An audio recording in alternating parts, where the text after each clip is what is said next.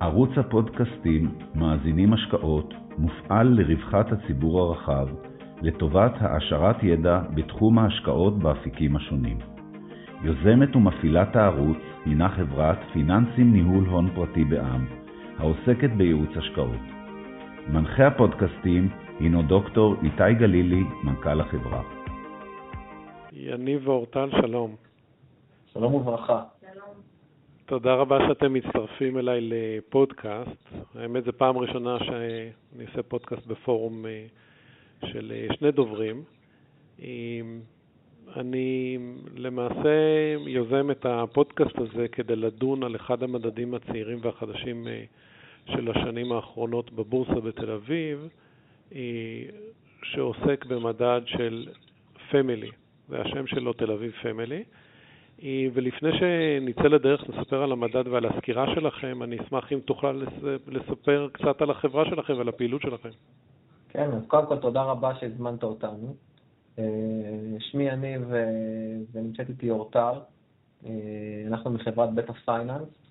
החברה היא חברה לייעוץ כלכלי ופיננסי, אנחנו עושים מגוון עבודות כלכליות בתחומים שונים ומגוונים, בעולם התשתיות, בעולם שוק ההון, בעולם הריאלי והפיננסי, שבעצם אנחנו נותנים ייעוץ ללקוחות הלקוחות שלנו, זה יכול להיות חברות ציבוריות ופרטיים ומשקיעים וגופים מוסדיים, בכל מיני מהלכים או תהליכים אה, עסקיים, פיננסיים, אה, שכוללים רכישות, אה, מכירות של נכסים, שינויי מבנה, שינויי חוב, ועוד אירועים כאלו ואחרים במסגרת החיים, חייה של הפירמה. אנחנו כבר מעל 25 עובדים, החברה כבר ארבע שנים אה, אה, כבר אה, על הכביש, והם מאוד שמחים במה שאנחנו עושים. טוב, אז תודה. בואו נדבר על, ה, על הסקירה האחרונה שלכם, שעוסקת ב, במדד שנקרא מדד תל אביב פמילי. אז קודם כל בואו נתחיל, מה זה המדד הזה למי שלא מכיר? איך בנו כן. אותו ו- ולמה? אז אולי שנייה אחת אה, לפני שניכנס אה, לשאלה איך המדד הזה בנוי, הרי בסופו של דבר אה, משקיעים בעצם מחפשים,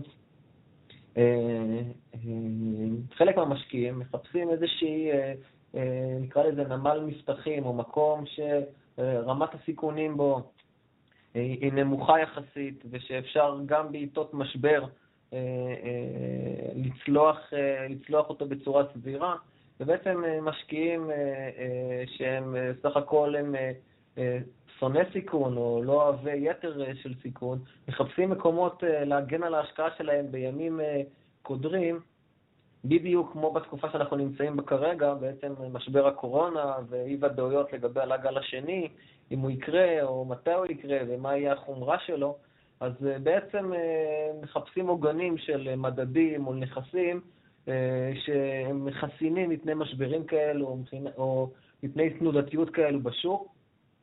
ומדד הפמילי, איך אומרים, על פניו היה אמור לייצר להם את אותו, עוגן מפתח, את אותו נמל מבטחים, אותו עוגן בהשקעה. הרציונל שהמדד הזה הוקם שהושק באוקטובר 2018, אבל הרציונל היה שהמדד הזה, שהוא אה, מאפיין של חברות משפחתיות, ועוד רגע ניגע מהי חברה משפחתית ולמה הוא, אה, הוא אה, מנטרל סיכון, הוא אמור לנטרל סיכון, בעצם הוא מדד ייחודי ש, שבא בעצם לעקוב אחרי חברות מסוימות שאמורות להיות פחות מסוכנות או עמידות בפני משברים, והרצון היה בעצם במחקר שלנו אה, לבדוק האם המדד הזה, המיוחד הזה, שהוא, שהוא חדש, האם הוא נתן מענה אה, למשבר הזה או אה, לצמיחה במדדי המניות ובמחירי המניות רוחבית גם בעולם ובעיקר בישראל. עכשיו לגבי המדד, הוא מדד שהושק באוקטובר 2018 וכיום הוא מורכב מ-29 חברות ישראליות שנקודת הייחוס זה שבעצם אה, החברות באותו מדד הן אה, בעלות שליטה משפחתית. אה, יש מכון באוניברסיטת תל אביב שנקרא מכון ראיה שטראוס, שהוא בעצם בנה את המדד הזה, שבעצם קבע מי חברה משפחתית, וההגדרה שם היא די טכנית, שקובעת שלושה חברי דירקטוריון שהם מאותו משפחה, הם נושאי משרה בחברה, ושלבעלי העניין שהם מאותו משפחה יש איזו החזקה מסוימת בחברה, מעל 40 אחוז, ובעצם קבע סט של תנאים, נקרא לזה תנאי כניסה למדד, ומי שעומדת בתנאים האלו, חברה, זה נכנסת למדד. ולכאורה זה אמור להיות מדד יוקרתי או מדד אטרקטיבי שחברות ירצו להיכנס אליו, להיכנס לאותו מדד, כי בעצם זה מאגד אותם תחת חברות שמרניות יותר, פחות מסוכנות. מי שבעצם אבי המדד הזה בישראל הוא בעצם פרופסור דן וייס מאוניברסיטת תל אביב, והוא בעצם, אני לא רוצה להגיד העתיק, או שהוא בעצם הגה את הרעיון על בסיס הבנה שבעצם יש לא מעט עסקים בישראל ובעולם שבעצם מקוטרגים, הם תחת חברה משפחתית, והוא רצה, ובעצם המחקרים ההיסטוריים מראים שחברות משפחתיות הן חברות שדפוס הפעולה שלהן, אולי עוד מעט ניגע בזה, הם, הם חושבים אחרת, פועלים אחרת, הם, הם עובדים אחרת מאשר חברה שבעצם המנהלים שם הם לא בעלי שליטה והם לא בעלי העניין. אז נגיד עוד איזה מספר דברים, היום המדד נכון ל-19 ביוני 20, שווי השוק שלו 87 מיליארד שקל, והרכב המדד, שהוא עוד מעט יהיה חשוב ולמה אנחנו אומרים את זה, מורכב 42% ממנו מחברות נדל"ן, ו-22% מחברות תעשיות, והשאר ממקומות, מענפים אחרים. אולי, אולי לפני שנצלול אליו, מה אתם יודעים על התחום הזה בעולם? יש מקבילות? או שזה משהו ייחודי לישראל? זה לא משהו ייחודי לישראל. אנחנו כן רואים שיש מחקרים בעולם שחקרו את הנושא של חברות שנמצאות בבעלות משפחתית. את כל העניין הזה שבעצם חברות שנמצאות בבעלות משפחתית, המאפיינים שלהם, של ניהול העסק, גם שהן יותר שמרניות, גם שהן לוקחות פחות סיכונים, שמסתכלות ומתכננות את הראייה העסקית לטווח הארוך, זה משהו שמהווה להם איזשהו יתרון בענף שהן פועלות. כן אפשר להגיד, יש מדד שנמצא כרגע בבורסת קנדה, ה-NBC Canadian Family Index, שהוא גם מורכב מחברות ציבוריות שנמצאות בשליטה משפחתית בקנדה. שם סף הכניסה למדד הוא שונה מהסף כניסה למדד של תל אביב פמילי. שם כדי להיכנס למדד צריך להיות לפחות יחיד ששולט ב-10% בחברה, או מהסט של החברה שנמצא בשליטה של 33% מהזכויות. כמו שגם אמרנו, יש הרבה מחקרים שתומכים בנושא. יש את אוניברסיטת בן גלן בשיתוף עם פירמה TY שחקרו את הנושא וגם הקימו משלהם מחקר שבודק את מדד העסקים המשפחתיים הגלובלי, שכולל 500 חברות מכל העולם. כי הם מצאו שבעצם בכל העולם יש הרבה חברות שמנוהלות בבעלות משפחתית ויש לכך יתרון, וזה בעצם אחד מההסתמכות של בניית המדד כאן בישראל. אם נאמר עוד איזה משפט, אין הרבה מכשירים היום בשוק ההון, בשוק ההון בעולם שמאפשר לאנשים או ליחידים, איך אומרים, ללכת לפוזיציה שהיא קשורה לחברות משפחתיות. אין הרבה קרנות מחכות או, או תעודות סל שעוקבות אחרי זה, אבל אני כן חושב שהנושא הזה הוא בחיתוליו, אני חושב שלאורך זמן, אם העמידות של המדד הזה והאם התיאוריה אכן תתממש ותוכיח שיש תשואה עודפת, או אפילו גם עם תשואה עודפת על פני סיכון, על פני חברות או ענפים אחרים, אני חושב שיצוצו להם קרנות נוספות בעולם ש... שמאפשרות השקעה באותו, באותו מדד, באותו מדד פמילי. אבל אנחנו מדברים על, עדיין על תחום שהוא צעיר, גם במחקר שלו וגם בניתוח, בניתוח, נקרא לזה, הכלכלי, הפיננסי שלו. זאת אומרת, האינטואיציה שאתם מסתמכים עליה בקרב חברות ציבוריות, אני מניח זה כמו סוגיה פוליטית, מה, מה רואה שר בתפקיד לעומת ראייה ארוכת טווח יותר מהתפקיד שלו. אז אני מניח שהאינטואיציה פה זה שאומרים שחברה משפחתית רוצה לחיות אה, לנצח, בעוד מנכ"ל שכיר הוא אה, רואה פרויקטים לתקופות הרבה יותר קצרות. אה, אני מניח שזאת הסיטואציה. השאלה היא מה, מה אנחנו למדים מהמשבר שקורה כרגע. ברור שזה מקטע זמן מאוד קצר ונדע את התשובות רק בעתיד, אבל איך החברות מגיבות למשבר ש... אז, אז, שיש אז כיום?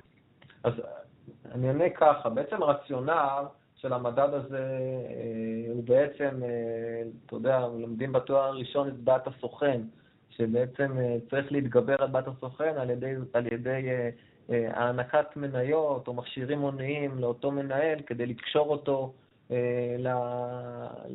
לבעלי המניות. והוכיחו שזה לא תמיד עוזר, אבל נעזור רגע את, את הצד התיאורטי. אבל בעצם חברות משפחתיות, בעצם בעיית הסוכן בדרך כלל נפתרת, כי בעצם הם מנהלים שהם גם בעלים. אז הם מסתכלים על ניהול החברה ועל אופן מימונה וקבלת ההחלטות שם בצורה יותר ארוכת טווח, פחות לקחת פוזיציות שאולי יכול להיות הסעת ערך מיידית, ובתיאוריה אמורות להיות חברות עם סיכון נמוך יותר, או בהגעה הכלכלית עם בטא נמוכה יותר, ובעצם בתקופות משבר, בעצם ששונות או תנודתיות המניה אמורה להיות נמוכה וגם להיפגע פחות. כמו שאמרת, החברות, המדד הזה הוא מדד צעיר, הוא מ-2018, אז להגיד, מסוף 2018 עוד, ולהגיד שיש היסטוריה שאנחנו יודעים, יודעים לתמוך בה לגבי הנכונות של הטענה הזאת, שהן חברות יותר סולידיות, מרמת הבטא ונמוכה יותר, אז קשה מאוד להגיד את זה כרגע. אני גם אגיד שבעצם הבורסה בישראל, וזה לא, וזה לא סוד, היא אה, מוטית אה, מוטית ענפי נדל"ן, וגם המדד הזה הוא, אה, ההתפלגות או הפלח של שוק של חברות הנדל"ן בו הוא משמעותי. לכן במשבר הזה של, המשבר הקורונה בעצם פגע בעיקר בחברות הנדל"ן, או בענפים, ענף הנדל"ן הוא אחד מהענפים שנכבטו הכי הרבה מהמשבר הזה, וגם המדד עצמו, שבעצם אה, הוא, הוא חלק ניכר בו, זה בעצם אה, חברות הנדל"ן, גם נפגע. אה, כלומר, אנחנו ראינו במחקר שביצענו שבעצם חברות, מדד הפמילי ירד בתקופת המשבר לא פחות ממדד הייחוס, שזה מדד תל אביב 125, או מדדים מקבילים אחרים בשוק, ולא ראינו איזושהי חסינות או עמידות שלו מול, ה, אה, אה, מול המדדי הייחוס. אני כן אגיד שב-2019 המדד אה, עלה בשיעור חד יותר ממדדי הייחוס, שוב, מתוך, מתוך, אפשר להגיד ככה, מתוך ההבנה שהחברות שמרכיבות אותו זה חברות נדל"ן, ש-2019 הייתה שנה מאוד טובה לחברות הנדל"ן בישראל, גם בגלל ירידת שיעורי ההיוון, בגלל כאילו איזושהי הסתכלות שהשוק הולך אה, אה, לגדול ולצמוח, אז גם המדד הזה נהנה מצמיחה די גדולה, ואפילו יותר ממדדי הייחוס. כלומר, המסקנה שלנו במחקר שהמדד לא הצליח לעמוד בפני המשבר, או לא הצליח להיות חסין בפני משבר הקורונה, והוא ספג ירידה משמעותית כלפי מטה, אה, כמו אה, מדד 125 באותה תקופה. אה, אבל נגיד ככה, הוא ירד 16 אחוז, מדד תל אביב פמילי, בעוד מדד תל אביב 125 ירד 14 אחוז באותה תקופה, בתקופת המשבר. אך קודם לכן, ב-2019, הוא, הוא, הוא עלה יותר. עלה הרבה יותר, אבל אני באמת חושב שזו תקופה די קצרה לבדוק. אבל אה, זה, אנחנו גם למדים שיש פה מורכבות, ש, שאי אפשר לבטל אירועים אחרים או פרמטרים אחרים במדד הזה, מדד הפמילי, שהוא שיוך קטגורי, שיעור ענפי, ושיוך ענפי שבעצם קצת מבטלים את הייחודיות של המדד הזה. יצא לכם אבל לראות את המאפיינים הספציפיים של החברות מבחינת היציבות הפיננסית שלהם, או הרי תמיד יכול להיות אה, ברבור שחור. עד כמה אה, החברות האלה, מהשמות שאתם מכירים במדד, הן חברות יציבות וערוכות ל... לאירועים כאלה, קיצוניים? תראה, אה, אם מסתכלים על הרכב המדד, יש שם 29 חברות. אה, עכשיו, אתה יודע, תמיד אפשר לקחת אה, כמה חברות ספציפיות ולהסתכל עליהן אה, ולהגיד, הם המגדלור של הענף, של המדד הזה, אבל זה קצת יהיה מוטה. שוב, יש פה חברות כמו עזריאלי ואשטרום קבוצה, וכמו בימרי, שהן חברות מוטות נדל"ן, מי יותר מי פחות, אם, אם, הענף, אם משבר הקורונה פגע מאוד בענף הקניונים, בנדל"ן הקניונים או בחברות אה, בתחום, בתחום הנדל"ן המסחרי, שאפרופו גם ביג נמצאת שם בתוך המדד, אז אה, השאלה היא מתייתרת אם, אה, אם יש כאן חברות חזקות או שהן יציבות פיננסית או הן לא מוטות, אבל אז יש כאן באמת לכאורה היינו יכולים לבוא ולהגיד שהחברות האלו הן חברות שהן איתנות פיננסית והן אה, שומרות על אה, קופות מזומנים למשברים, אה, אבל זה לא מה שיעזור להם לצלוח את המשבר של הקורונה, כי אנחנו מבינים, או ההסתכלות של השוק היא בעצם שהמשבר הזה הוא משבר חריג, שהוא יותר קשור, נקרא לזה, לענף, מאשר לחברה הספציפית. כלומר, זה לא משנה אם אתה עזריאלי, או אם אתה ביג, או, או שאתה חברה לא עם, אה, אה, ש, ש, חברה שאתה לא בתוך המדד, המשבר יפגע בכם כנראה באותו צורה, אה, בגלל, ה, בגלל שהוא פגע בכל מי שיש לו נכסי ריטל. בנוסף, יש בחברות האלו גם חברות, נגיד כמו הראל השקעות, חברת ביטוח, שאתה יודע, גם המשבר פגע לא מעט בחברות הביטוח ובבנקים, אז ככה ש... זו תופעה מעניינת, המשבר הקורונה, הוא בעצם, הוא לא משבר רגיל, ואי אפשר לבוא ולהגיד שהמדד הפמילי יודע, אה, אה, הוא נותן מענה למשברים אה, שהם נמצאים, איך אומרים, בקודקוד של העקומה, בסיכונים המורכבים ביותר, או הבלתי שכיחים שנמצאים. מי, מי קובע את הכניסה למדד? אתה יודע?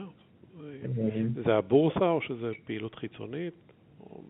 איך, איך זה נקבע פיזית כדי שחברה תוכל להיכנס לתוך המדד הזה? תראה, בגדול יש ועדה, אה, ועדה של, של המרכז, של מרכז ראיה שטראוס, שהוא בודק, בודק את המאפיינים של החברות בתוך אה, מאגר רימון בבורסה. המאמר, המאגר הזה בעצם אה, מאגד את כל החברות הכלולות בבורסה, אה, ואז בודקים את הפרמטר הזה שדיברנו עליו אה, בהתחלה, אה, שנדרש שלושה חברי דירקטוריון או נושא משרה. ואז אוטומטית היא מצטרפת למדד. אוטומטית, שוב, יש פה חריגים, יש פה ועדה, אתה יודע, יכול להיות פה איזה אירועים חריגים, אבל בגדול יש פה איזה סף כניסה מסוים, שאם אתה עומד בו, אז אתה אה, אמור להיכנס לתוך המדד. עכשיו, לא ראינו הרבה שינויים במדד הזה לאורך אה, השנתיים, כן? אז אה, אתה יודע, גם למכור שליטה בחברה גדולה בשוק זה לא משהו שהוא קורה כל יום. ולכן אה, אה, אין פה יותר מדי שוני בין, המד... בין התקופות בתוך המדד, אבל אה, שוב, אנחנו מדברים על תקופת זמן מאוד קצרה של, של פחות משנתיים כדי באמת ללמוד או להסיק מסקנות לגבי האיתנות של המדד ושל של רמת הח... כמות החברות שנשארת בו טוב, האמת היא שזו תקופה מאוד מאוד קצרה, אבל תקופה גם של עליות חזקות ואחרי זה ירידות חזקות, אז יכול להיות שזה יהיה מבחן, אה, מבחן קיצון מאוד מעניין לתחום הזה, אם כן. הוא יצליח להתפתח. מטבע הדברים, בטח ויותר בעולם של עסקים אה, קטנים ובינוניים, הרוב שם זה הרבה מהפעילות זה מדד של פמילי, וחברות בורסאיות זה הרבה פחות נפוץ. אז קודם כל תודה רבה על הסקירה שנתתם לנו. בשמחה רבה. ונשמח לשמוע על סקירות נוספות. בשמחה. יופי, תודה רבה. תודה. ביי ביי.